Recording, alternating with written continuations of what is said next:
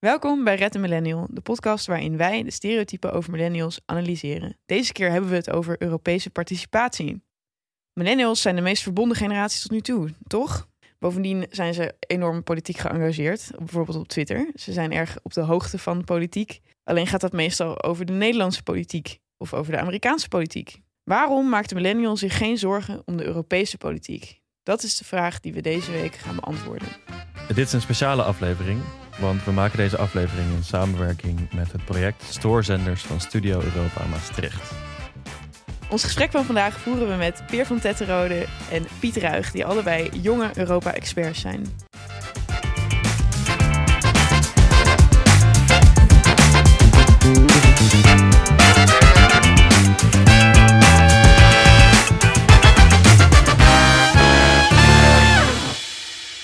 Peer, kun jij je even voorstellen?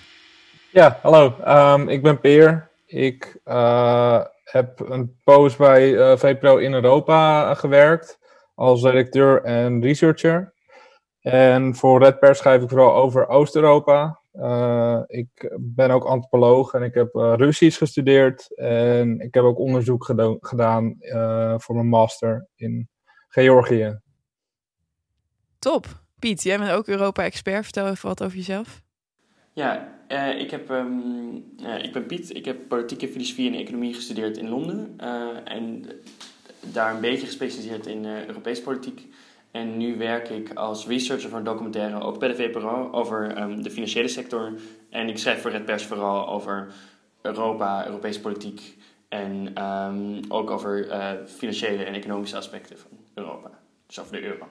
Nou, welkom allebei. Door corona mochten ze niet in de studio aanwezig zijn, dus we zijn al digitaal met elkaar verbonden. Uh, en we gaan het vandaag hebben over Europese participatie.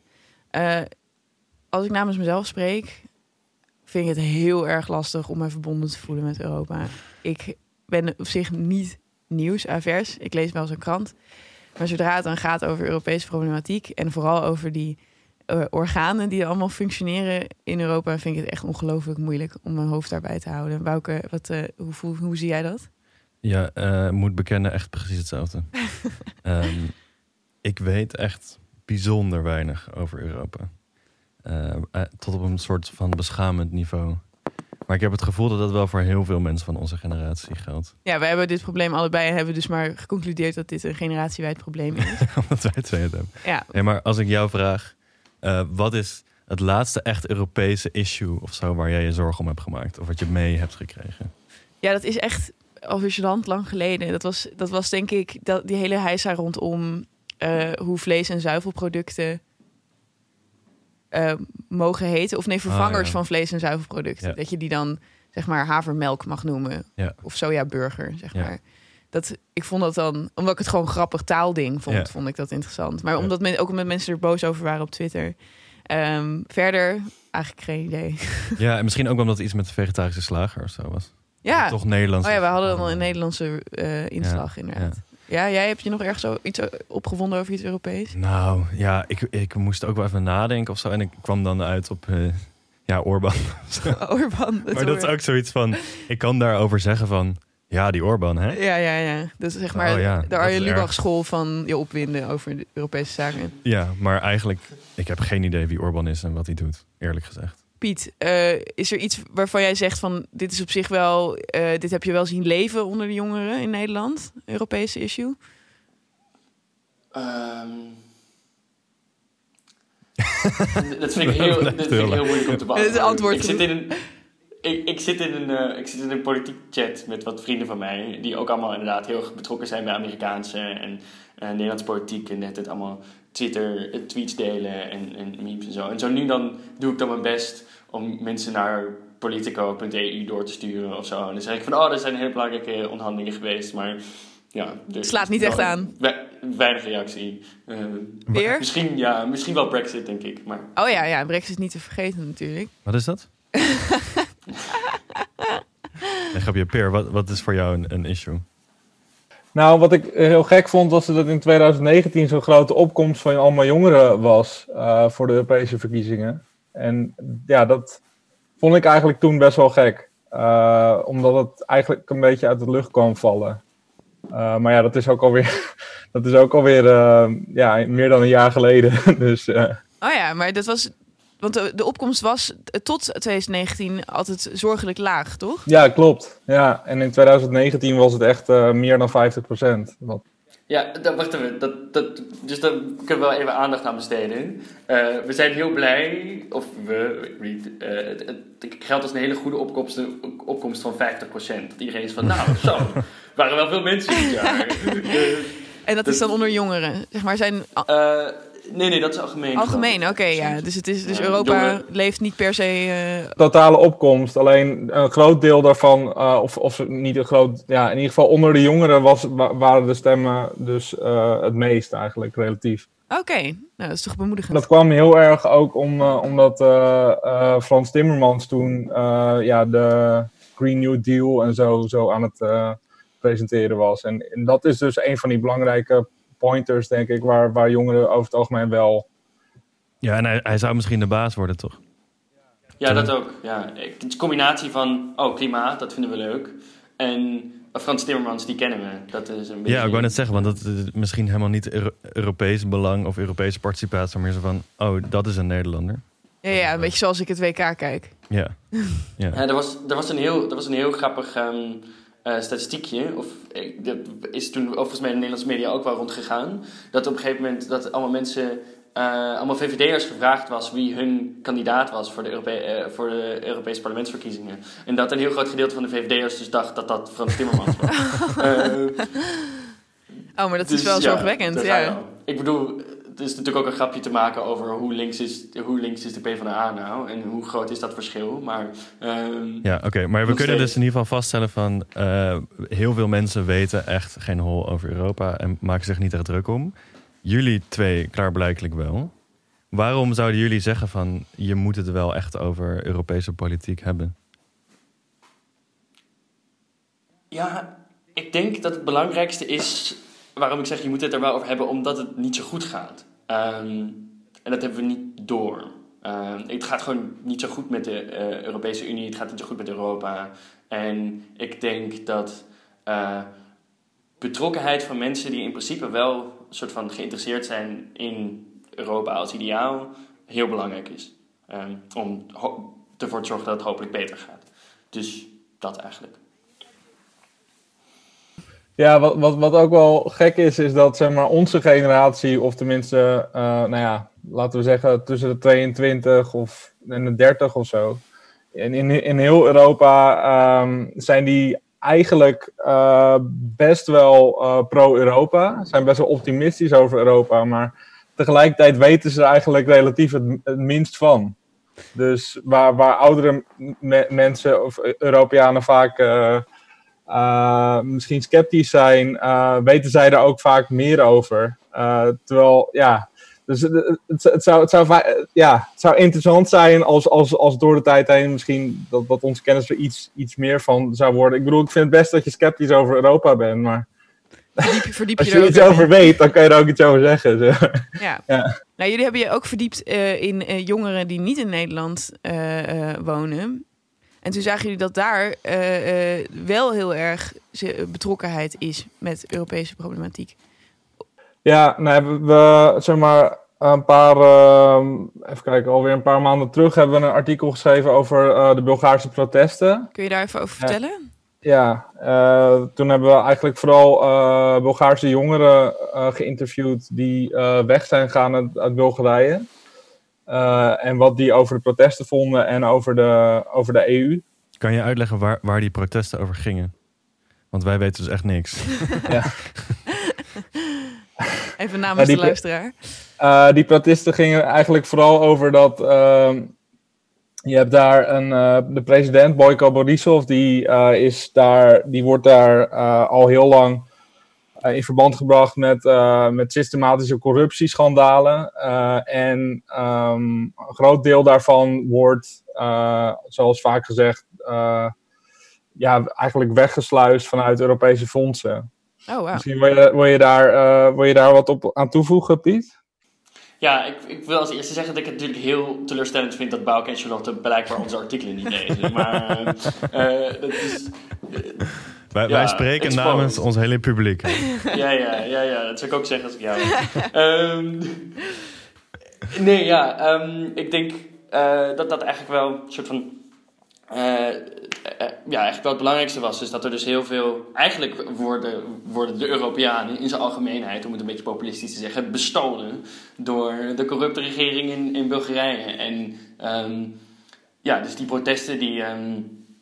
Eh, over, over, eh, over een soort van. ehm, over die corruptie ging eigenlijk daarover. Over, er waren nu een aantal nieuwe aanleidingen waardoor het opeens tot de uitbarsting kwam. Maar wat belangrijk is om te weten en wat het fascinerend is, is dit is al heel lang zo. Dus eh, de- deze situatie in Bulgarije is al heel lang zo. Er zijn al meerdere grote protesten geweest. Ehm, maar ehm, wat heel bijzonder, wat, wat, wat, wij, wat ik heel fascinerend vond aan die protesten, en eh, daar zie je weer van dat mensen weinig over weten.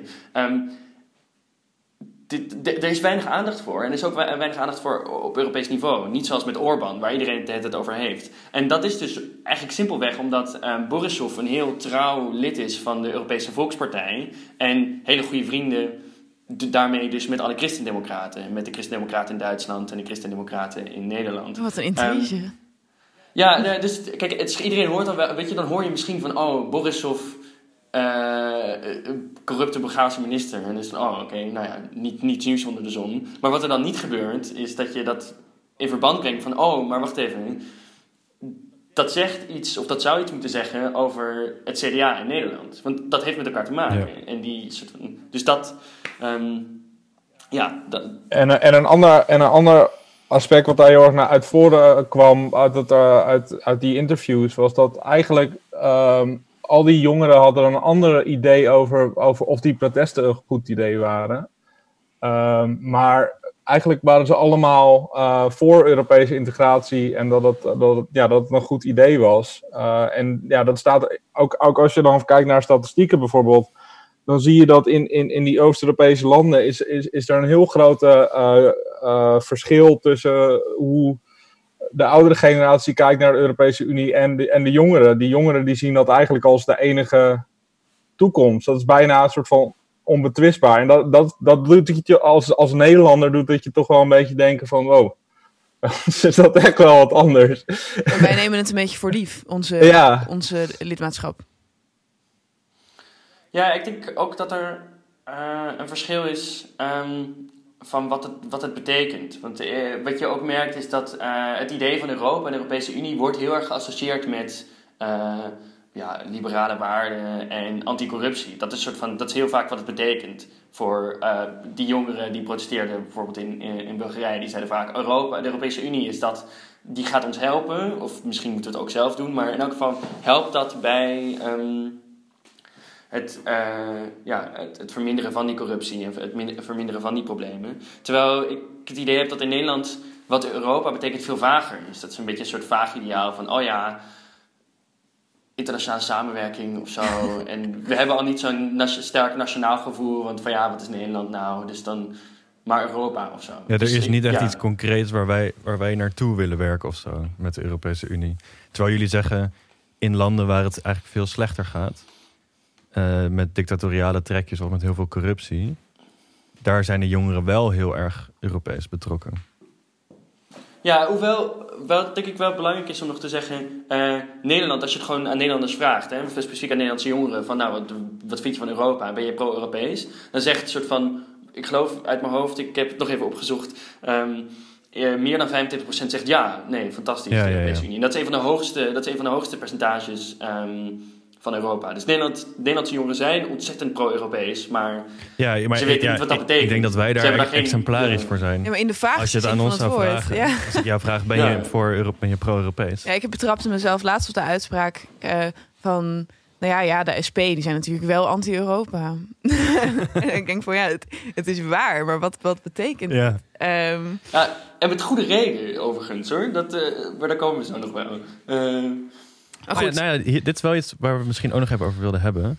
Dat ehm, je, je hebt wel steeds meer, ook in Nederland hoor je dingen over, over Nexit en zo. oh ja, Ehm, en dat zijn dan wel mensen die zich misschien wel druk lijken te, drukker lijken te maken om Europa dan wij misschien. Oh, je bedoelt Omdat dus ze er dat- gewoon uit willen. zeg maar de linkse millennial die is pro-Europa, maar weet niks over Europa. Ja, En de, de anti-Europese millennial weet meer over Europa. Ja, die weet er misschien wel meer van.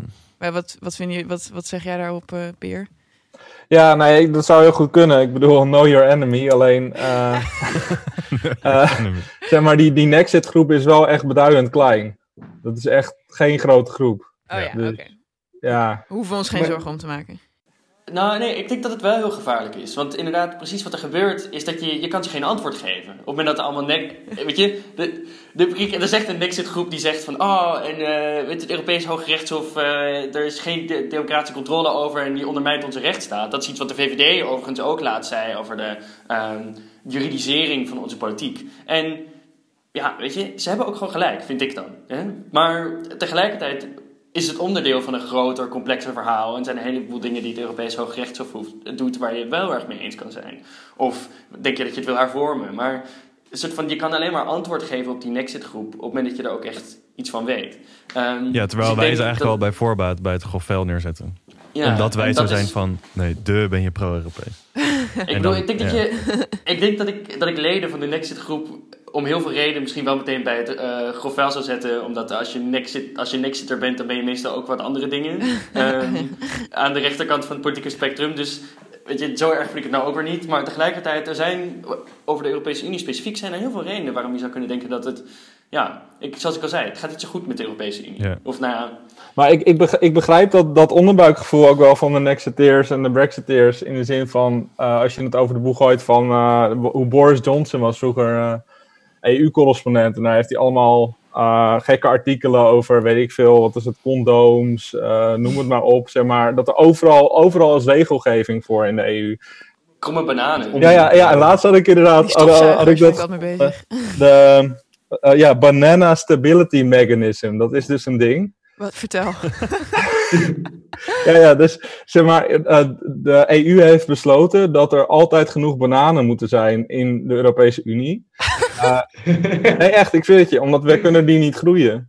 Eh, en, en daarom is er, zeg maar, een, is er een douaneregel eh bedacht dat er, zeg maar, op het moment dat er te weinig bananen uit Zuid-Amerika binnenkomen, eh, dat er dan, zeg maar, eh, dat, de kwaliteit iets omlaag mag, zodat er genoeg eh, selectie is. En dat is, Dat is echt dat is de banana stability mechanism. Er is echt overal is een regeltje voor. Ah, zeg maar. Dus ik snap wel, ik, ik snap wel als Nexiteer zeggen ze van ja, maar eh, we willen gewoon onze eigen regels of zo. Ik snap dat onderbuikgevoel wel ergens, omdat alles zo goed geregeld is als het ware. Ja. Ja, en dan wil ik wel een kanttekening plaatsen bij of het goed geregeld Ja, is. oké, in ieder geval, het is geregeld. Ja, ja, ja, dus het is een soort. Europa wordt door tegenstanders als een soort bureaucratische hel gezien. Maar ik wou het nog heel even hebben over, eh, eh, over die betrokkenheid. En we, wij, trekken, wij trokken hier eigenlijk instinctief een grens. En zeiden van, nou, oké, millennials, die zijn Europa vergeten of zo. Eh, ehm, en jullie zeiden dat net ook, van de oudere generaties die weten meer over het Europese project dan, eh, dan millennials dat weten. Maar, ehm, eh, Ja, sorry, ga, ja, dat is... de- ja, nee, ik bedoel, er is natuurlijk ook een soort... ehm, Je hebt altijd de neiging om te denken dat het nu het allerslechtste is... en dat onze generatie het minst geïnteresseerd is en zo. Maar dat is dus ook... Dat is niet waar. Dat is een soort misvatting over dat het... ehm,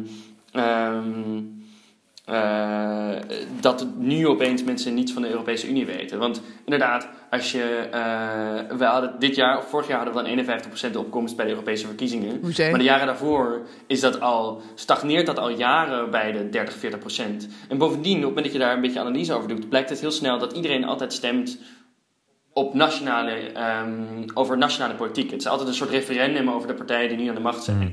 Dus niemand is geïnteresseerd in de Europese onderwerpen. En, ehm, En jij zegt eigenlijk, dat zijn we ook nooit geweest. Dus het is een beetje is gek om te denken, wij zijn is het al jaren zo. verloren. Ja. Ja, er is, er is het soort van in de, in de, in de academische literatuur eh, over de, het integratieproces van de Europese Unie noemen ze dit altijd ehm, de permissive consensus. Want er zijn dus allemaal, er zijn, de EU is eigenlijk best wel plotseling geïntegreerd en er zijn allemaal dingen gebeurd, waaronder andere dus, dat is best wel grappig, door het Hoge Rechtshof.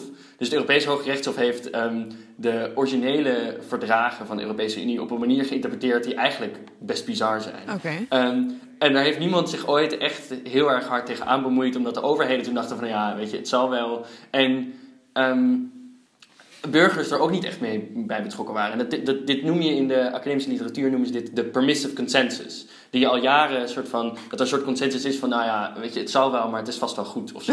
dat is, zo wordt, zo wordt de, de publieke betrokkenheid bij de EU beschreven. Soort van, ja, en ik moet, ik moet eerlijk zeggen, ik weet niet hoe jij dat hebt, maar als je dit nu vertelt, dan is er wel iets in mij dat denkt van, oh, dat klinkt echt heel erg. maar ik heb toch ook, ik heb, het, het wakkert niks in mij aan of zo. Terwijl nou, en ik hier ben best is, aan te wakkeren voor dingen. Nou, weet je, weet je waarvoor ik denk dat jij wel aan te wakkeren bent? En dan snij ik even het nieuwste onderwerp aan. Uh, ik denk dat jij wel aan te wakkeren bent voor bijvoorbeeld Amerikaanse onderwerpen. Ja, en, klopt. En ik denk dat uh, als je dan zegt van het is logisch dat mensen zich niet betrokken voelen bij Europa, want het is zo'n ver van je bedshow dan is daar altijd tegen in te brengen van ja, maar mensen die winden zich zo totaal op altijd over Amerikaanse politiek. Kijk, er is nu natuurlijk iets um, heel spraakmakends gebeurd in de VS. Ik zou het niemand kwalijk nemen als je dan tot diep in de nacht naar CNN zit te kijken. Maar tot diep in de nacht naar de CNN kijken komt wel best vaak voor bij Europese jongeren, heb ik het idee, of Nederlandse jongeren. Ja, en sterker nog, toen, toen de verkiezingen waren, in Amerika heb je ook echt een super ingewikkeld systeem met kiesmannen en bladibladibla. Mm Misschien wel vergelijkbaar met hoe ingewikkeld het Europese systeem in elkaar zit. Ja. Uh, voor het Europese systeem kan ik me weinig interesseren. Voor het Amerikaanse systeem was het super cool als je precies snapte hoe dat werkte met die kiesmannen. Ja, het was wel echt een bepaald soort man die dan ging, jou ging uitleggen wat, wat een kiesman dan precies is. Ja, de, de King, hoe heet die ook weer? Stephen King? Nee, zo heet hij niet. Um, fuck. Die, die man op CNN. Die dude dan, CNN. Ja, ja, ja. ja, ja. Uh, ik ben zijn naam ook kwijt. Ja, maar ik heb het ook ja, vooral... Hij heette John King. John King, John King. was het. Ja, ja. Our Lord and Savior, John nou, King. Precies, maar... ik, was, ik heb ook de hele dag gekeken hoor. Dus, uh, ja, maar is het, is, wat is nou het verschil tussen Amerika dat ver weg is en Europa dat ver weg is? Waarom vinden we dat nou zo interessant? Ja, mijn, ik, doe een, ik gooi een balletje op. Ik denk dat Amerikanen die maken gewoon alles heel mediageniek. Die, die zijn gewoon goed in televisie maken. En die hebben ons allemaal meegesleept. Ja, op maar CNN ze maken er ook een potje van, toch? Ik bedoel... Ja, ja, nee. Ze maken er een potje van, maar dat is dus wel mediageniek. Ja, zeker. Maar ik ben ook wel blij dat het Berlaymont niet zo uh, bezorgd wordt of, ja, of op Den Haag trouwens. Wij hebben het nu wel over, over John King. En dat hij moest huilen op het einde. Ja, oké. Okay. En er waren constant aftelklokken in beeld. En een soort van, ja. je zat daar in een film. Ja, ik denk, natuurlijk, weet je, het verschil is natuurlijk ook op een bepaalde manier... Um, er is niet één moment dat zoveel uitmaakt. In de, Verenigde, in de Verenigde Staten heb je dus één keer in de vier jaar heb je die verkiezingen. En dan anderhalf jaar van tevoren dan begint dat grote circus al. En dus iedereen, weet je, dat wordt wel eens beschreven als een soort van de grootste reality show uh, op aarde. Met, met, het allergrootste budget dat je kan bedenken. Dus dat, dat heeft een enorme opbouw naar dat ene moment dat je aan de hele nacht zit te kijken. En dat John King huilt aan het einde. Nou ja, weet je, daar zit een enorm soort opbauw in. Maar het lastige van, de, uh, van Europese politiek en de Europese verkiezingen is ook... De, dat, weet je, die Europese verkiezingen die maken eigenlijk geen donder uit. Een soort van, ik, ik ga jullie straks vertellen dat jullie wel moeten stemmen. Dat je wil identificeren. maar tegelijkertijd... Een soort van, dat zag je nu ook. Er was een soort... Okay, niet om te lang over een institutionele verdeling te gaan hebben, maar je hebt dus het parlement en de commissie en, um, uh, en de, de deelstaten eigenlijk. Dat zijn de soort van de drie spelers. De deelstaat is de soort council. Ja, dat is de Council. Oh, ja. dat is de, maar niet de Council of Europe trouwens. Nee, nee, de European Council. Ja, je hebt de European Council en de Council of Europe. zijn twee totaal verschillende dingen. Hebben dezelfde vlag. Um, het, weet je, het soort van, zijn hetzelfde jaar opgericht of zo. Maar ja, okay, dat is jongens, sorry. dit is echt een soort van geheimtaal. Ja, nee. Oké. Dus je hebt, je hebt, je hebt drie spelers. Je hebt, de, je hebt de lidstaten, je hebt de commissie en het parlement. Okay. Uh, de commissie is een soort kabinet eigenlijk. Dus je denkt, oh, de commissie wordt dan gekozen door het parlement. Maar nee, de commissie wordt gekozen door de deelstaten. Um, en het parlement heeft heel erg gelimiteerde invloed op uh, wat soort van de, de commissie uiteindelijk doet en uh, welke wetvoorstellen er uh, doorheen komen. Het parlement heeft geen budgetrecht, heeft allemaal, kan heel weinig, maar wel een beetje. Heeft over een aantal onderwerpen hebben zij, mogen zij meebeslissen als het ware. Dus die Europese verkiezingen zijn ieder jaar voor het parlement. Um, maar vervolgens, en dat zag je dus nu ook, wordt dat, die commissie wordt helemaal niet door dat parlement gekozen. Er was wel een soort informeel systeem dat de grootste partij in het parlement dan de commissielid mocht aanleveren of dat daar een soort coalitie zou komen of zo. Um, en dat zou dan eigenlijk Frans Timmermans zijn. Okay. Want die had een soort meerder, meerderheid coalitie in, uh, um, in het parlement tussen de Groenen en de Liberalen en de, en de uh, Sociaaldemocraten. Maar toen zeiden de deelstaten zeiden dus gewoon nee. Dat, dat doen we niet. Ja, en dan heb je allemaal lekker gestemd. Uh, en dan heb je allemaal lekker op Frans Timmermans gestemd. Ja, dat Oh ja. Oké, dus het, is- het is één, veel te ingewikkeld. En twee, verkiezingen maken eigenlijk ook niet zoveel uit. Ja. En ik heb niet het idee dat mensen weten dat hun stem niet veel uitmaakt. Überhaupt. Nee. Ja, maar oké, laten we het dan even nog, nog ietsje eh, eh, voorbij de ver- verkiezingen trekken. We zijn ook meer begaan met Amerikaanse issues dan met Europese issues. En ik weet niet of het netjes is om deze twee met elkaar te vergelijken, maar, ik, maar wij wilden graag even hebben over de Black Lives Matter beweging en over de vluchtelingencrisis. En eh, eh, welke nou echt leeft op Instagram en welke mensen nou echt naar de Delm trekt. Mhm. En ehm, zien we daar een verschil, Peer? Ja, nou ja, wat je, wat je wel ziet is dat eigenlijk ehm, best wel wat millennials niet heel erg protesteren tegen hoe de vluchtelingencrisis wordt eh, behandeld binnen Europa. En dat is best wel opzienbarend als je dat vergelijkt met BLM, waar echt best wel veel mensen eh, heel actief in zijn. Of in ieder geval toen, ja, toen het een media-ding was. Uh, en dat is best wel gek, want ik denk dat, dat vluchtelingencrisis misschien aan veel elementair uh, ja, menselijk leed nog raakt dan, dan BLM. Uh, ook, al was de, ook al was de moord op George Floyd echt, echt heel erg kut. En ja, ik bedoel, zeg maar, er, er gaan allemaal ja, kinderen in hutten dood aan ja, de ergste ziektes, zeg maar. En, en Europese jongeren, die boeit het eigenlijk niet of ze weten er niks van. Maar misschien is niet ja. een verschil ook dat de BLM kan je zien als een soort van een intern probleem. En de vluchtelingencrisis ja. misschien meer als een extern probleem? Ja, dat is een goed punt. Ik, ik denk ook dat, dat... Ja, maar... Piet. Ik, ik denk dat dat precies... Ik denk dat het precies inderdaad het belangrijke punt is. Soort van dat, ik denk, soort van in Europa is er ook, zijn er hele grote problemen van rassenongelijkheid. En um, ik denk ook niet, ik zou niet per se willen zeggen dat het een erger is dan het ander. Maar kijk, er is een groot, groot historisch verschil ook. Dat Europa niet een even grote, vooral, ik bedoel, als je het Verenigd Koninkrijk is, misschien net anders. Maar um, het grootste deel van Europa niet een even grote.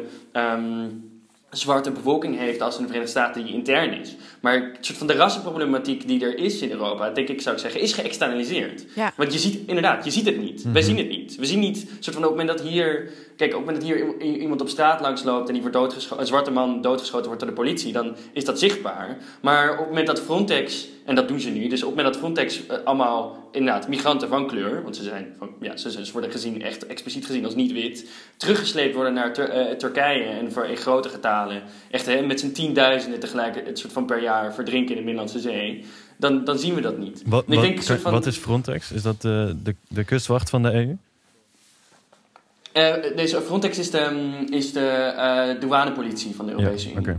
Overigens, wat ook grappig is, of grappig, niet grappig. Um, in, in, het, in de Amerikaanse context gaat het vaak over de militarisering van de politie. Dat ze allemaal zo van die grote pistolen hebben en allemaal grote, grote karabijnen en geweren en zo. En um, dat daar een soort grote wapenindustrie achter zit, ook voor gedeelten. Um, en dan zijn we allemaal blij dat in Nederland iedereen toch maar toevallig een politie, uh, uh, gewoon zo'n klein pistooltje heeft. Knuppeltje. Op andere plekken helemaal niet.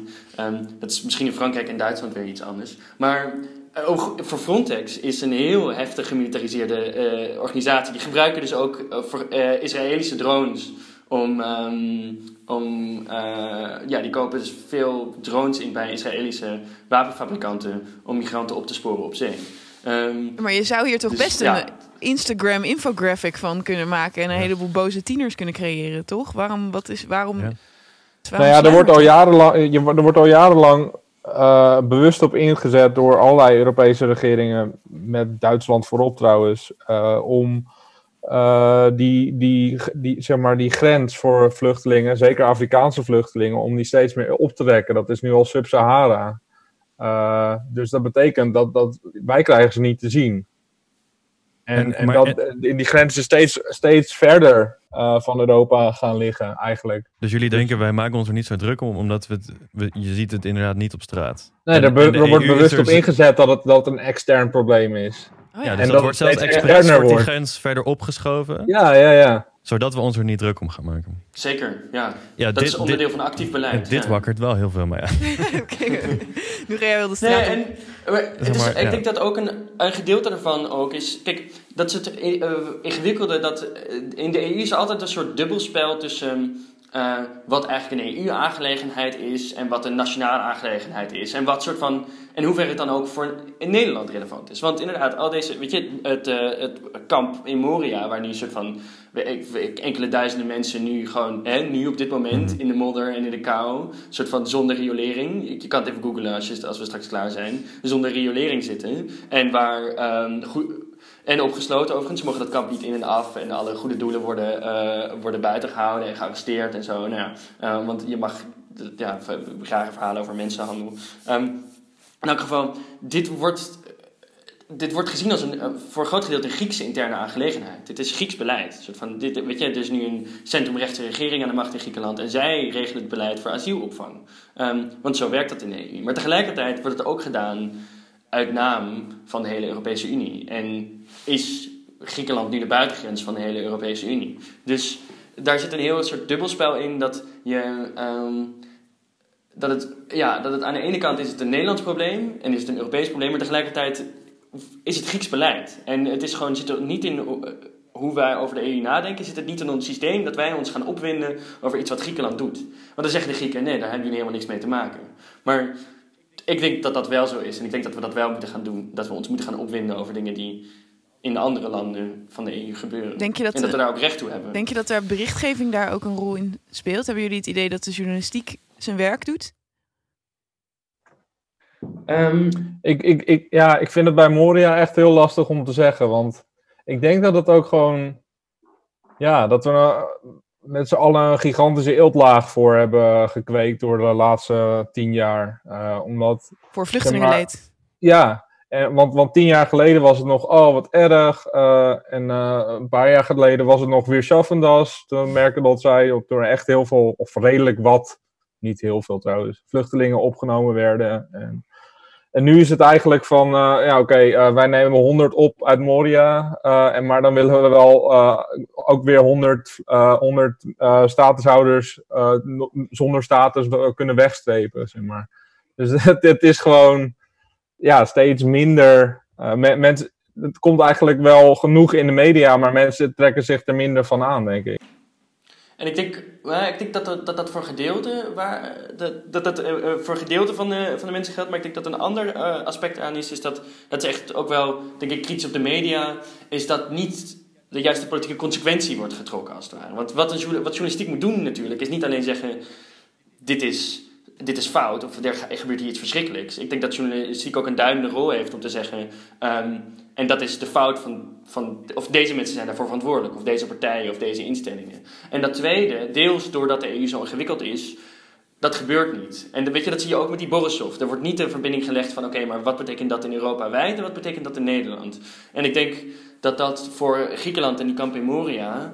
je dat ook moeten doen. Zij zeggen van: oké, maar wie maakt dit beleid in Griekenland? Ja. Ten gevolge van wat? Waarom is hier geen Europese op oplossing voor? En dat doet de journalistiek nu niet. En ik denk dat het wel kan. Ja, ik vind het wel een goed punt. Want als je leest over Moria, er, is inderdaad, er is wordt genoeg over geschreven en gemaakt. En dan vind je het meteen heel erg. Maar je hebt niet meteen zoiets van: oh, ik weet ook wat ik nu moet doen. Of wie, wie ik moet verkiezen om het daar beter te laten gaan. Ja, nou ja, nee, dat was met. Kijk, als we weer teruggaan naar Black Lives Matter. Ja. Um, wat ik ook, waar we het ook wel vaker over hebben gehad, is dat jonge mensen uh, willen graag moreel zwart-wit handelen. Zeg maar. Mhm. die, die, zijn, die zijn gewoon, die willen zich kwaad maken. En zoiets dat zo ingewikkeld is en zoveel partijen heeft en zoveel uh, aandeelhouders en zoveel uh, mensen die wel een vinger in de pap hebben, maar niet schuldig zijn, weet ik wat. Dan is het zo moeilijk om daar een partij aan te wijzen waarvan je de koppen wil snellen, zeg maar. Dat is, dat, dat, punt. dat is daarvoor, dan kun je niet, dat, hoe zet je dat op een spandoek ja. of zo? Ja. ja, en het is ook niet alsof je dat soort van op je, op je eigen werk kan doen of zo, weet je, of in de organisatie waar je zelf zit. Op het moment dat je naar een Black Lives Matter demonstratie gewe bent geweest, dan kan je vervolgens denken van, oh, op mijn universiteit werken ook alleen maar witte mensen. En daar dan iets aan doen. Ja. Um, en ik bedoel, dat is heel goed dat dat gebeurt. Maar voor de vluchtelingencrisis is het natuurlijk veel ingewikkelder. Hoewel, natuurlijk, er is heel veel wat je kan doen. En er is heel veel wat je kan doen voor staatshouders in Nederland ook. Um, of ook uitgeprocedeerde asielzoekers overigens. Maar, maar hebben we dan ook een, een, beetje behoefte aan um, een zekere Amerikanisering van onze media... als het aankomt op, op Europese berichtgeving? Zouden jullie zeggen, misschien is het wel, wel goed als we een soort CNN-achtige shows krijgen over de Europese verkiezingen. Bijvoorbeeld kwam ik deze week achter. Volgende week zijn verkiezingen in Duitsland.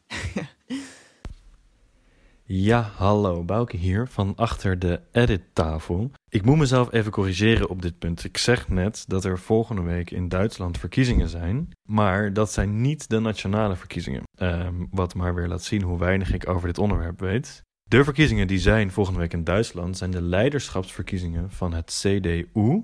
Ehm, dat is eigenlijk het CDA van Duitsland. En de baas van het CDU bij de vorige verkiezingen was Angela Merkel, die nu bondskanselier is. Dus de verkiezingen zijn wel heel belangrijk, want degene die wordt uh, verkozen, heeft een grote kans om vervolgens ook de bondskanselier van Duitsland te worden. Goed, dat was even een intermezzo. Veel plezier met de rest van het gesprek.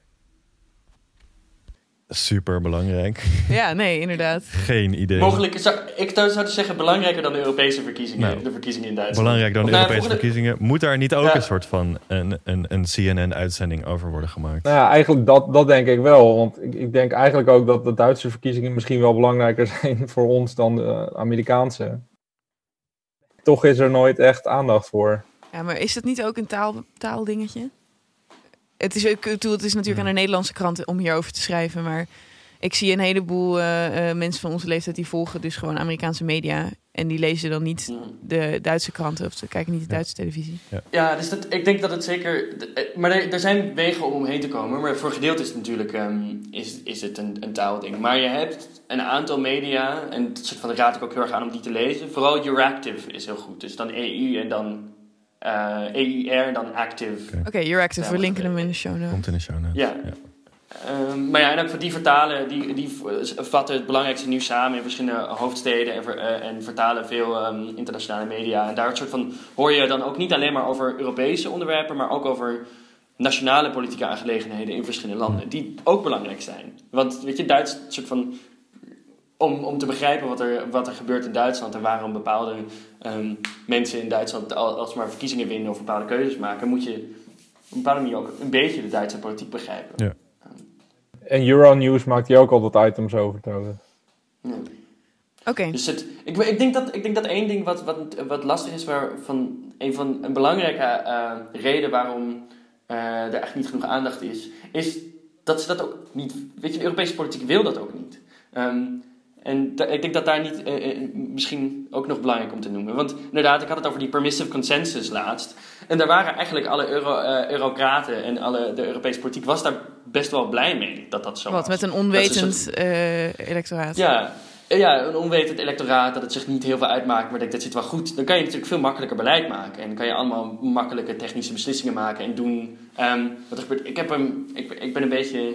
Ik heb voor de echte junkies, ik heb een stuk van Barry Anderson in de London Review of Books gelezen vorige week. Um, en die heeft een soort drieluik. Ja, het is een drieluik um, waarvan de eerste twee gepubliceerd zijn. En het is totaal cynisch. Het is echt een totale, het is echt heftig, soort van, over hoe de Europese Unie soort van helemaal uit elkaar knalt en er niks meer democratisch aan is in één grote bende. Um, dus ik ben een beetje in een cynische bij erover. Um, maar ik dacht ook van, daar, daar wordt ook heel erg veel uh, geschreven in dat stuk over, over het Europees Hof, wat echt een heel machtig orgaan is. Maar ik, ik, ja, ik, ik, ik, lees ook best wel veel over Europa en ik weet helemaal niks over, de, over dat, dat is een best wel groot, groot uh, instituut wat in, in Luxemburg zit. En ik, ik wist er bijna niks van. Ja, maar, dit, maar dit, is dus, dit is dus niet soort van, oh, we hebben ons laten, soort van, oh, we letten allemaal niet goed op, wat suf van ons en uh, dat ligt aan de burger. Dat wil ik helemaal niet zeggen. Het is echt, dit is echt onderdeel van actief beleid. Um, om ervoor te zorgen dat allemaal impopulaire maatregelen, um, en ik denk ook soort van, ja, uh, hangt een beetje vanaf van welke kant van het politieke spectrum je komt, maar tot zeker hoogte de neoliberalisering van Europese... Uh, van de Europese politiek en de Europese economie. Uh, Oké, okay, jongens. Die zitten soort van. Ik denk dat. erin verankerd. Mm. Oké, okay, sorry. Ja, we moeten inderdaad nog heel. We moeten nog even. Ik wil ja. graag aan jullie uh, nog iets vragen. Namelijk, um, wat zijn nou echt in steekwoorden de grote thema's die Europees worden, moeten worden afgehandeld, waar we ons dus echt over kunnen opwinden als jongeren? Ik, de vluchtelingencrisis hebben we al genoemd. Ja, nee, ik, ik, zou zeggen, ik zou zeggen, denk ik. Um uh, twee dingen. die ik, die ik millennials ongelooflijk vaak hoor zeggen. Uh, namelijk klimaat, A. Uh, dat daar iets mee gedaan moet worden. En, en, en B, ook gelijke kansen.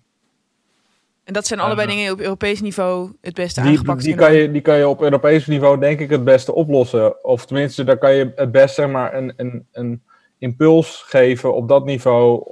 Dat, het, zeg maar, dat, dat, dat nationale regeringen meer, hoe heet dat, de drang voelen om er iets aan te doen.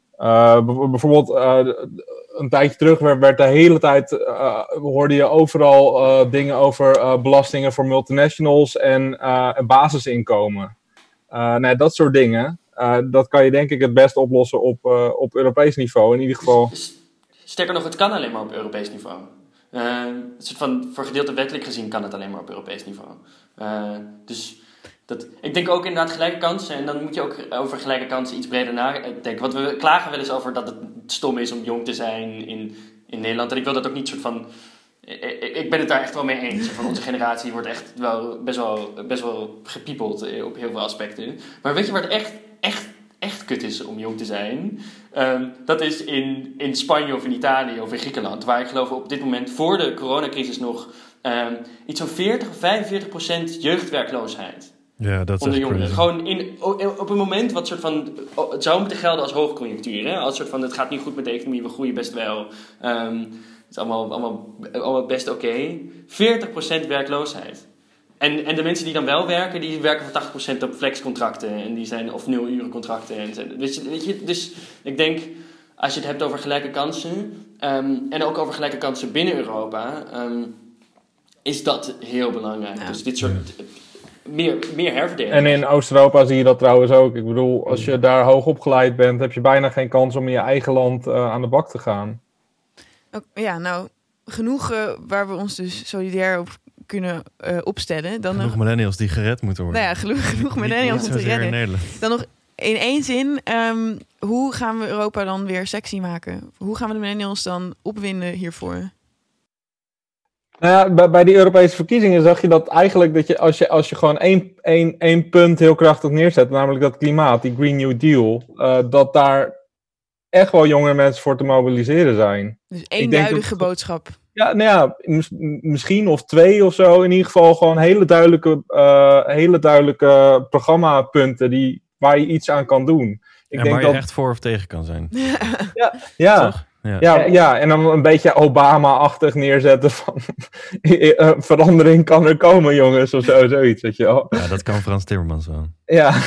ja. Ik, denk, ik denk dat het belangrijkste is misschien om te zeggen, um, weet je, dat vage positieve idee dat de meeste millennials van Europa hebben, om dat af te breken. Dus hmm. om duidelijk te maken wat er, wat er heel erg misgaat. En, uh, om, en daar mensen uh, boos over te maken. Dus ik denk dat we op een bepaalde manier millennials dus niet per se eurosceptischer moeten maken, maar wel sceptischer over bepaalde Europese problemen en kritischer. Van. Ja, dus de motor, moet, ja, de motor moet lopen op, uh, op woede en hoop, eigenlijk. Ja, dus niet zo zijn van we zijn pro-Europa, omdat ik weet niet waarom eigenlijk. Nee, maar, maar meer van lees je in. Lees je in. Wees kritisch. Ja, nog één heel concreet punt trouwens. ik bedoel, we, uh, zeg maar, Nederlandse millennials kunnen nu niet meer in, in Engeland uh, makkelijk gaan studeren. Uh, doordat het Erasmus-programma gewoon niet meer geldt daar. Dat soort dingen, weet je wel. Dit is toch best wel, ja, heel raar. Ja, je moet het jezelf laten raken, eigenlijk. Ja, ik denk, ik denk dat inderdaad, dus het is ook belangrijk. Het is niet meer van ik ben pro-Europa, maar welk Europa ben je voor? Hè? Om het even ja. uh, een soort van voor dat, dat we daar invulling aan geven. Een soort van wat, hoe wil je een groen Europa? En uh, wat is het? Een, een judeo-christelijk Europa. Ehm, nou, ja, nou, hartstikke bedankt. Europa, ja, sorry. Uh, ja, sorry. Ja, we moeten er een beetje een einde aan draaien. Maar uh, heel erg bedankt voor jullie expertise. En ook voor jullie opzwepende boodschap. Ik, ik, beloof dat ik mijn nieuws wat beter tot me ga nemen. Uh, ja, ik en Piet gaan ook een artikel schrijven over hoe jongeren in meerdere Europese landen zich verbonden voelen met Europa. En daar gaan we ook een paar experts in interviewen. dus als jullie daar interesse in hebben, ja, lees het vooral op Redpers. Redpers.nl. ik ga met de Europese vlag uh, het nieuwe jaar in, denk ik. uh, ja, uh, gelukkig nieuwjaar, Pier en Piet. Ja, was leuk. Dank je. Dank ja, jullie. Dank jullie, dat was leuk. Dank je. Oké, Eh, Peer en Piet hebben we terug de eter ingestuurd. ja. Eh, we vonden het zelf echt een superleuk gesprek. Het is echt uitzonderlijk dat je jongens tegenkomt die zoveel weten van eh, Europese politiek. Ja, en doordat ze echt van die lijpe spraakwatervallen zijn... en dat je het heel vaak eigenlijk ook niet meer begrijpt... Ja. komt het wel nog harder binnen hoe weinig je begrijpt over Europa. Ja, Voor mij in ieder geval. nee, same. En waar, waar hebben we het nou precies over gehad? Over ehm, dat Europese eh, betrokkenheid misschien niet alleen bij millennials ontbreekt, maar ook bij andere generaties. Ja, en dat het dus altijd al zo een beetje is geweest. En dat ook nog eens Europa zelf, of de Europese politici daar baat bij hebben, bij, bij die soort van passieve houding. Ja, sterker nog, dat vond ik best wel sick. Dat ze vertelde dat het zelfs een beetje bewust wordt gedaan. Ja, Dat die grens van, van waar worden vluchtelingen tegengehouden wordt opgeschoven, zodat wij het maar niet zien. ja, ja.